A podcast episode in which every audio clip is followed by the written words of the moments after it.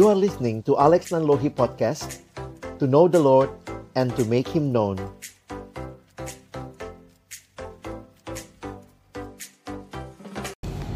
Kami datang dalam ucapan syukur sore hari ini terima kasih Tuhan karena sungguh Engkau baik dan Engkau menyatakan kebaikan-Mu di dalam kehidupan kami.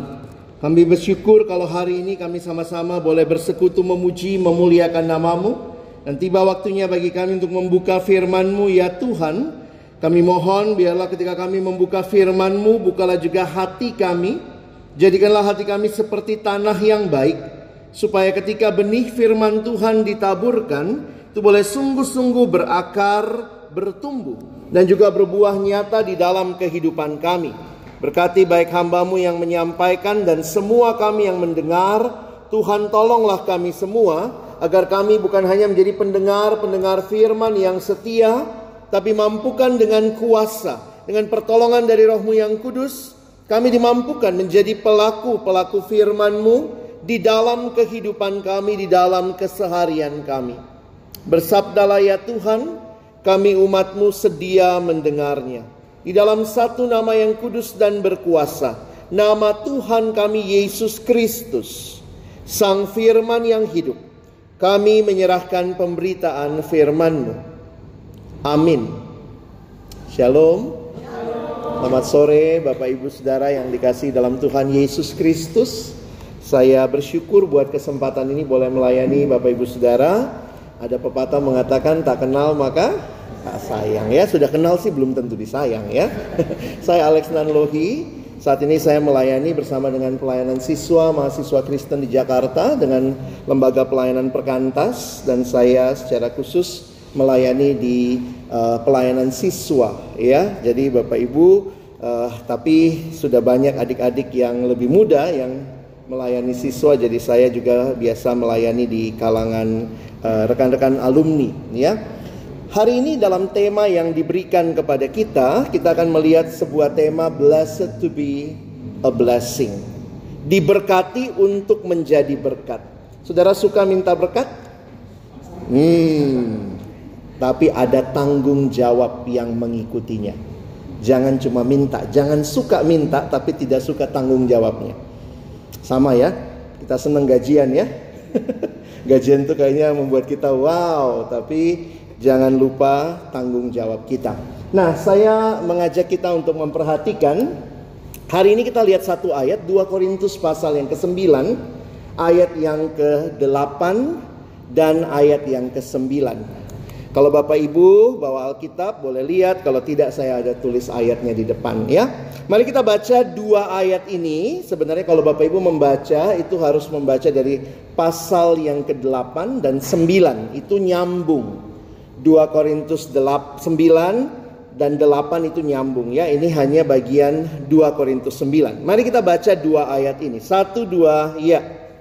Dan Allah sanggup melimpahkan segala kasih karunia kepada kamu supaya kamu senantiasa berkecukupan di dalam segala sesuatu dan malah berkelebihan di dalam pelbagai kebajikan. Seperti ada tertulis, ia membagi-bagikan, ia memberikan kepada orang miskin, kebenarannya tetap untuk selamanya. Bapak Ibu Saudara, tidak ada surat di Alkitab yang ditulis langsung buat kita. Ya, surat Korintus ditulis buat siapa? Jemaat Korintus. Kenapa kita baca sekarang? Karena ini firman Tuhan berarti dalam aplikasi luasnya berlaku untuk kita juga. Tapi kita perlu mengerti kenapa Paulus tulis ini. Paulus tulis ini untuk siapa pada awalnya? Maka kita mengerti ini ditulis untuk jemaat Korintus. Kira-kira jemaat Korintus itu kenapa sih sampai dikasih ayat ini? Nah, Bapak Ibu sekalian, di sinilah kita melihat latar belakang surat 2 Korintus bahwa ternyata saya cerita dulu sebelum nanti saya tunjukkan yang lebih detail. Ceritanya sederhana, jemaat Korintus ini jemaat kaya. Kaya mereka, lalu mereka waktu itu ada jemaat yang mengalami penderitaan dan kemiskinan. Itu jemaat Yerusalem. Jangan lupa ya, kekristenan awalnya kan di Yerusalem ya, para rasul kumpul di Yerusalem. Bayangkan tiba-tiba kantor pusat defisit. RCC bisa bantu misalnya ya. Wah, jemaat kantor pusat menderita. Lalu kemudian jemaat di cabang ini ya. Korintus kaya. Jemaat pusat di Yerusalem mendadak miskin ditambah ada kelaparan pada waktu itu secara dunia. Karena itu Paulus memberi kesempatan siapa yang mau menolong. Ternyata Bapak Ibu ada satu jemaat miskin namanya jemaat Makedonia. Di situ ada gereja Filipi. Ternyata mereka sebelum Paulus minta sudah mengajukan diri, kami mau dong tolong Yerusalem. Sementara Korintus janji, kami juga kita jemaat kaya kami akan bantu. Sampai Paulus tulis surat belum dikirim. belum ngirim nih donasinya.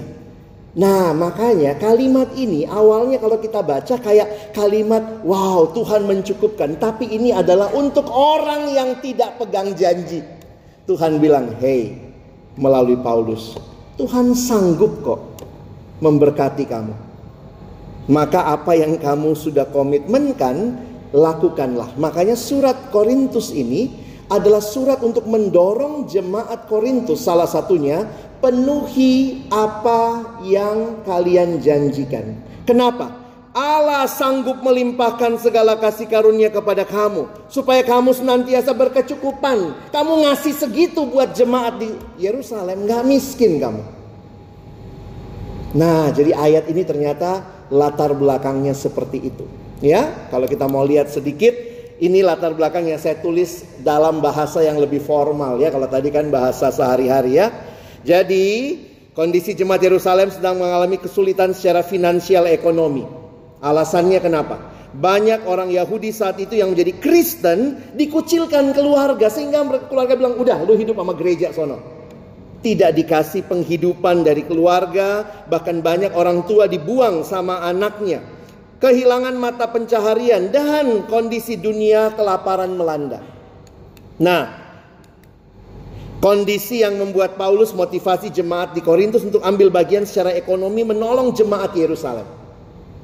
Paulus meminta dan bahkan mendorong jemaat Korintus untuk juga memperhatikan saudara-saudara mereka yang kesulitan dalam hal finansial. Gereja di Makedonia. Nah, ini gereja miskin tadi ya. Gereja di Makedonia yang mendengar kondisi ini memohon, minta sama Paulus agar mereka diperkenankan untuk membantu. Unik ya, yang kaya didorong-dorong, yang miskin malah merasa kami mau dong gitu ya, padahal mungkin persembahan mereka nggak seberapa. Nah saudara, ini latar belakang ya, jemaat di Makedonia adalah gereja yang mengalami kesulitan dan pelbagai penderitaan. Kondisi orang-orang Kristen di Makedonia mengalami kesulitan secara finansial ekonomi. Namun kesulitan finansial ini tidak membuat mereka berhenti memberi persembahan kepada gereja jemaat yang Yerusalem yang membutuhkan keuangan. Gereja Korintus sebaliknya, ini gereja kaya, lebih baik secara finansial ekonomi dibanding gereja di Makedonia. Dan Paulus di sini menunjukkan teladan jemaat di Makedonia. Nanti baca di pasal 8 ya. Jadi itu agak kayak gini ya. Wait, jangan lupa loh, yang sono miskin udah ngasih. Lu kaya kok belum begitu ya. Jadi memang ini surat yang mendorong tapi dengan cara mengingatkan tanda kutip sedikit nyindir bahwa ada jemaat yang sudah ngasih ya saudara. Jadi uh, ayo berikan dukunganmu kepada jemaat Yerusalem. Saudara mari mengerti prinsip persembahan di sini ya. Tidak ada dari kita sebenarnya yang memiliki semua hal yang ada di dunia ini sehingga kita bisa memberi persembahan pertama-tama dari kita. Setiap kali kita bisa memberi persembahan, bisa membantu orang lain, ingatlah itu hanya karena Tuhan sendiri yang terlebih dahulu memberkati kita. Ini prinsip muncul di pasal yang ke-8. Karena kasih karunia Tuhan, kamu bisa memberi. Sehingga Bapak Ibu, we give because God gave first. Tidak ada dari kita yang terlalu kaya di dunia ini untuk bisa dikatakan sayalah yang pertama bisa membantu. Tetapi kalau kita lihat Persembahan yang kita berikan sesungguhnya adalah asalnya dari Allah yang telah terlebih dahulu memberikan kasih karunia-Nya kepada kita. Kalau saudara punya prinsip ini, saudara siap untuk jadi berkat bagi sesama. Tapi sebaliknya, kalau saudara merasa saudaralah sumber berkatnya, sebenarnya saudara dan saya nggak pernah siap loh memberkati orang lain.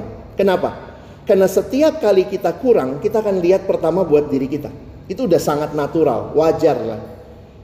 Jadi hari ini blessed to be a blessing, diberkati untuk menjadi berkat. Saudara tanya dulu, siapa yang memberkatimu? Saudara kenal pribadi yang memberkati saudara? Dia Allah yang peduli dan tahu semua yang saudara dan saya butuhkan. Orang yang mengenal Allah akan juga bisa membagikan tentang Allah. Kita nggak mungkin membagikan apa yang kita nggak alami ya. Nah, jadi ada kalimat begini saudara ya. Allah tidak akan pernah habis berkatnya ya. Kasih karunia Allah itu tidak akan pernah habis saudara. Karenanya hidup yang mengalami kasih karunia barulah saudara bisa terus berbagi. Jadi hari ini bukan cuma karena kita kumpul, kadang-kadang gitu ya. Kalau di pelayanan kita kumpul, wah kasih persembahan terus persembahannya numpuk ya. Karena kegiatan nggak banyak juga, wah persembahannya numpuk. Ayo kita kasih ke mana begitu. Kesannya sumbernya itu kita. Tidak. Hanya kalau saudara mengerti Allah yang kasih karunia-Nya tidak pernah habis. Maka saudara juga siap untuk membagikan hal itu. Sehingga pertanyaan sederhana bagi kita ya. Sudahkah kita mengalami kasih karunia Allah dalam Kristus yang telah menyelamatkan kita. Saudara, kalau kita mengerti kalimat ini, maka berkat Tuhan yang paling utama bukan materi, benar? Tapi keselamatan yang kekal, yang tidak pernah bisa diukur dengan materi. Tetapi yang menarik, kalau saudara mengerti anugerah, maka saudara juga akan bisa mengerti bahwa apa yang Tuhan percayakan, materi yang Tuhan percayakan, itu juga menjadi bagian dari berkat yang dia sediakan. Tapi memang kalau bicara materi nggak semuanya sama ya. Ada yang dikasih segini, ada yang dikasih segitu. Tapi prinsip kalau kita baca di 2 Korintus 8, nanti Bapak Ibu bisa baca, prinsipnya begini. Apa yang kamu punya, sebenarnya waktu kamu berikan, itu memberikan keseimbangan. Saya jadi berpikir lama waktu melihat ayat ini ya. Sebenarnya kena, kalau kalau istilah sederhananya gini, kalau kantong kita tebel, jangan lupa, berarti ada kantong orang lain yang sedang kosong. Nah, Tuhan titip sama kita untuk kita berbagi supaya kalimatnya Paulus menarik, terjadi keseimbangan. Jadi bukan begini, yang kaya ngasih sampai yang kaya jadi miskin, lalu yang miskin jadi kaya, gantian gitu ya. Saudara bukan itu prinsipal kita. Ketika saya berkelimpahan, saya berbagi secukupnya yang saya tahu Tuhan mau supaya orang yang lain bisa mendapatkan apa yang juga dia butuhkan. Jadi terjadi prinsip keseimbangan. Nah, menarik sekali untuk memperhatikan hal ini. Sehingga saya menuliskan begini. Jikalau kasih karunia Allah dalam Kristus menjadi dasar pemberian kita, maka sama seperti jemaat di Makedonia yang miskin tadi kita akan memberi dengan kerelaan dalam rangka mengambil bagian kepada orang-orang kudus yang lain. Jadi waktu kita mengerti prinsip ini, kita pun juga akan rindu berbagi dengan yang lain. Saudara, banyak orang di gereja saat ini tanpa sadar memberi karena itu adalah cara untuk menunjukkan jati diri ya. Apalagi kalau akhir tahun dibacakan siapa yang ngasih persembahannya seberapa, di warta dilaporkan. Kadang-kadang itu menjadi bagian yang dalam gereja masa kini jadi jebakan Batman-nya itu ya. Bahwa apakah kita memang memberi supaya Tuhan dimuliakan, kita tahu Tuhan yang sudah memberkati kita, maka sebenarnya yang kita berikan ini tidak ada apa-apanya. Lucu ya, kita kadang berbangga untuk sebenarnya apa yang bukan punya kita. Ada yang ngekos di sini? Ada yang ngekos? Ada ya. Ada kali ya, muka-mukanya kelihatan kalau yang ngekos. Saya sedang membayangkan, ini bayangkan saja saudara ya. Do not try this at home, just imagine. Bayangkan kalau ada anak kos malam-malam gitu ya di kosan, lalu biar agak heboh tunggu jam 12 malam. Terus kemudian dia keluar kamar. Dia bangunin teman-temannya. Hai semua penghuni kos. Wih orang pada keluar semua ada apa nih ada apa nih? Kok malam-malam teriak-teriak gitu ya? Terus kemudian sudah kumpul semua? saya mau kasih pengumuman. Apa itu? Mulai malam ini kosan ini punya saya. Bapak Ibu kalau Anda lakukan itu, Anda dibilang Terus ibu kos datang ya, tante kos datang. Ada apa nak? Berisik malam-malam. Ibu pemilik kos. Kenapa nak? Tante, mulai malam ini. Kosan ini punya saya. Ada ibu kosnya tuh ya. Dan mulai malam ini tante keluar dari sini. Logikanya di mana? Siapa yang boleh ngusir? Yang ngekos apa yang punya kos? Di mana-mana yang punya kos ya.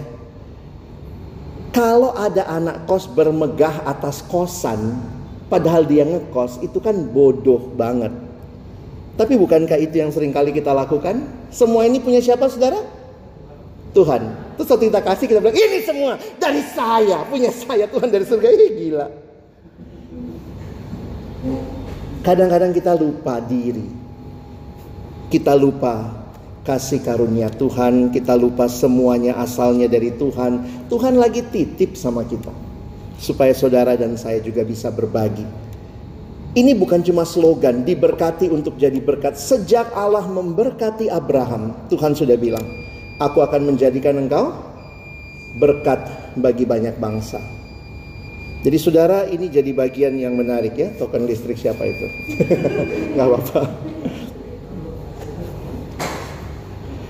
Anak kos banget itu ya bunyinya ya. Oke, jadi sebagai refleksi kita, saya menuliskan Kristus telah terlebih dahulu memberikan nyawanya bagi kita. Inilah kasih karunia Allah bagi kita, maka mari kita berikan hidup kita kepada Allah. Kadang-kadang kita dengar istilah ibadah yang sejati ya. Jadi kalau saudara diberkati Tuhan, maka pertama-tama saudara pun akan bersyukur kepada Tuhan. Nah, perhatikan istilah yang disampaikan. Nah, ini. Keseluruhan hidup berarti semua yang ada dan kita miliki saat kita hidup. Tubuh kita, pikiran kita, relasi kita, medsos kita dan lain sebagainya termasuk uang yang ada pada kita harus dipersembahkan untuk Tuhan tanpa kecuali. Kenapa arahnya harus kepada Tuhan? Karena sebenarnya sumbernya dari Tuhan kita berikan kepada Tuhan. Tapi kan memang Tuhan juga tidak butuh semua ini ya. Maka kita diminta memberinya ke samping. Kita nggak perlu memberi ke Tuhan karena dia sumber segala-galanya. Tetapi kan logika pertamanya kalau dia berkati saya harusnya saya memuliakan dia dengan semua yang dia kasih. Tapi ya ini memberikan persembahan bukanlah tindakan transaksional. Jadi jangan berpikir masalah jual beli ya. Kayak kita suka mancing Tuhan nih. Tuhan saya udah ngasih persembahan segini loh. Kebangetan nih kalau Tuhan gak berkati saya. Banyak orang memberi persembahan modelnya transaksional untuk dapat sesuatu. Tapi memberi persembahan itu adalah respon syukur kita. Maka saat memberi jangan mikir keuntungan saudara ya. Saat memberi ingat baik-baik kalau saya tulis begini ya, uh, saya senang dengan kutipan ini. Giving is worship. Saat memberi jangan memikirkan apa keuntungan yang kita dapat atau timbal balik yang bisa kita berikan. Berilah karena memang Tuhan sudah memberkati kita. Nah, dalam motivasi inilah Saudara, kita harus memberi untuk kepentingan Tuhan dan sesama. Bapak Martin Luther bulan ini kita merayakan reformasi. Kalau kita ingat apa yang dia lakukan salah satu tesis Martin Luther orang selamat bukan karena perbuatan baik. Kalau kita bisa selamat karena perbuatan baik maka kita juru selamatnya dong. Kan perbuatan baikmu yang menyelamatkan maka kamu dan saya juru selamat. Tapi karena kita tidak sanggup maka keselamatan itu apa yang Tuhan lakukan bagi kita Keselamatan bukan apa yang kita lakukan bagi Tuhan, tapi apa yang Tuhan lakukan bagi kita. Lalu apakah orang-orang Kristen tidak peduli dengan perbuatan baik? Di mana letaknya perbuatan baik? Perbuatan baik bukan syarat supaya selamat, tetapi bukti karena sudah selamat. Jadi responnya ya. Nah, makanya kalimat ini bagi saya menarik nih. Martin Luther bilang gini. God does not need your good works, but your neighbor does. Ya. Maka ketika saudara dan saya sudah diberkati hari ini, itu tema kita. Kita tahu bahwa Tuhan sudah memberkati kita dan saya pikir berkat Tuhan macam-macam saudara ya. Tapi tentunya dalam hidup kita bisa menyaksikan apa yang sudah Tuhan berikan, maka pertanyaannya bagaimana respon kita? Mari kita belajar berpikir bukan melulu tentang kita, tapi tentang kerajaan Allah dan tentang sesama. Katanya bahasa Indonesia itu paling gampang menjelaskan kasih. Saudara tahu apa itu kasih? Kasih ya kasih. Love is giving. Love is not taking. If love is taking, taking, taking, that is not love, that is rampoking, saudara. You know? Kalau kita menerima kasih Allah, maka kita pun akan dimampukan untuk mengasihi. Apa itu kasih? Ya kasih. Sehingga kita perlu mendidik diri kita. Kita perlu mendidik keluarga kita kalau sudah berkeluarga untuk belajar mengasihi. Itu bukan instan, saudara. Kita ini manusia yang udah lahirnya egois. Maka diberkati Tuhan itu bisa bikin kita rampoking kan? Menjelang Natal gitu ya, orang bertanya gitu.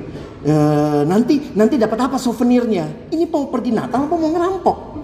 Dapat apa? Apalagi dapat? Apalagi dapat? Sehingga banyak anak muda sekarang berpikirnya, saya ke gereja, saya nggak ke gereja saya lagi lah, nggak dapat apa-apa. Loh, satu sisi oke, okay, kita mau dapat sesuatu, tapi pertanyaannya juga, kamu ke gereja untuk berbagi apa? Teman saya mendidik anaknya, tidak mudah ya. Saya bilang gimana cara didiknya? Dia bilang kalau anak saya ulang tahun sejak dia mengerti, kami selalu bikin ulang tahunnya di panti asuhan. Sehingga setiap kali ulang tahun dia belajar, bukan dia dapat apa. Tetap kami kasih hadiah Lex. Tapi dia juga tahu, setiap kali ulang tahun dia harus belajar berbagi ke orang lain. Kita itu perampok saudara ya diberkati Tuhan bisa bikin kita tambah jadi perampok. Nggak mikir orang lain. Mesti dilatih. Yesus bilang kasihilah sesamamu. Mari belajar mengasihi. Buka mata kita lihat. Ketika ada kebutuhan, kita pasti punya kebutuhan. Siapa sih yang nggak punya kebutuhan ya? Kalau begitu jangan melatih diri lebih jeli lihat kebutuhan. Karena udah pasti terjadi itu. Latihlah diri lihat kebutuhan orang lain. Kalau di warta gereja ada orang yang sakit, mari saudara lihat. Paling tidak kita bisa doakan. Kadang-kadang kan warta gereja tuh bagian yang sakit tuh baca kalau khotbahnya ngeselin ya. Apa sih yang Tuhan mau ya? Belajar memberi, belajar mengasihi. Kenapa? Karena saudara dan saya telah diberkati. Kita hidup hanya satu kali.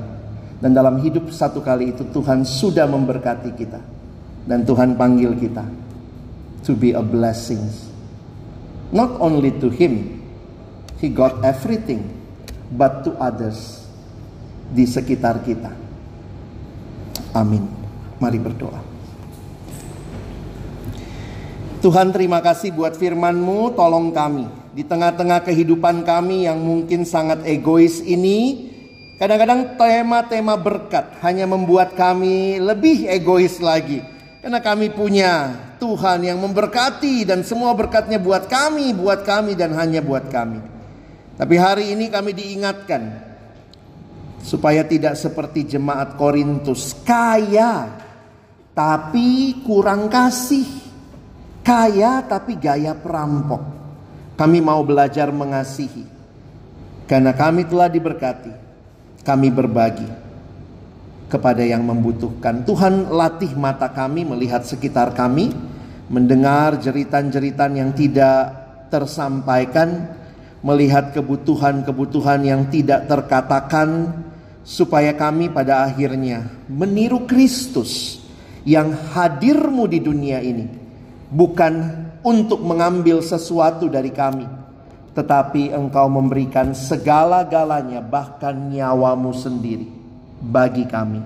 Itulah kasih yang agung. Terima kasih untuk tema yang penting ini. Tetapi di dalamnya juga kami mengingat ada tanggung jawab yang besar yang Tuhan berikan kepada kami. Kami selalu minta Tuhan berkati kami. Dan biarlah hari ini kami pulang juga dengan kerinduan. Tuhan jadikan kami saluran berkat bagi orang-orang di sekitar kami. Kami bersyukur untuk firman-Mu, tolong kami bukan cuma jadi pendengar firman, tapi boleh jadi pelaku firman dalam hidup kami. Dalam nama Yesus kami sudah berdoa. Amin.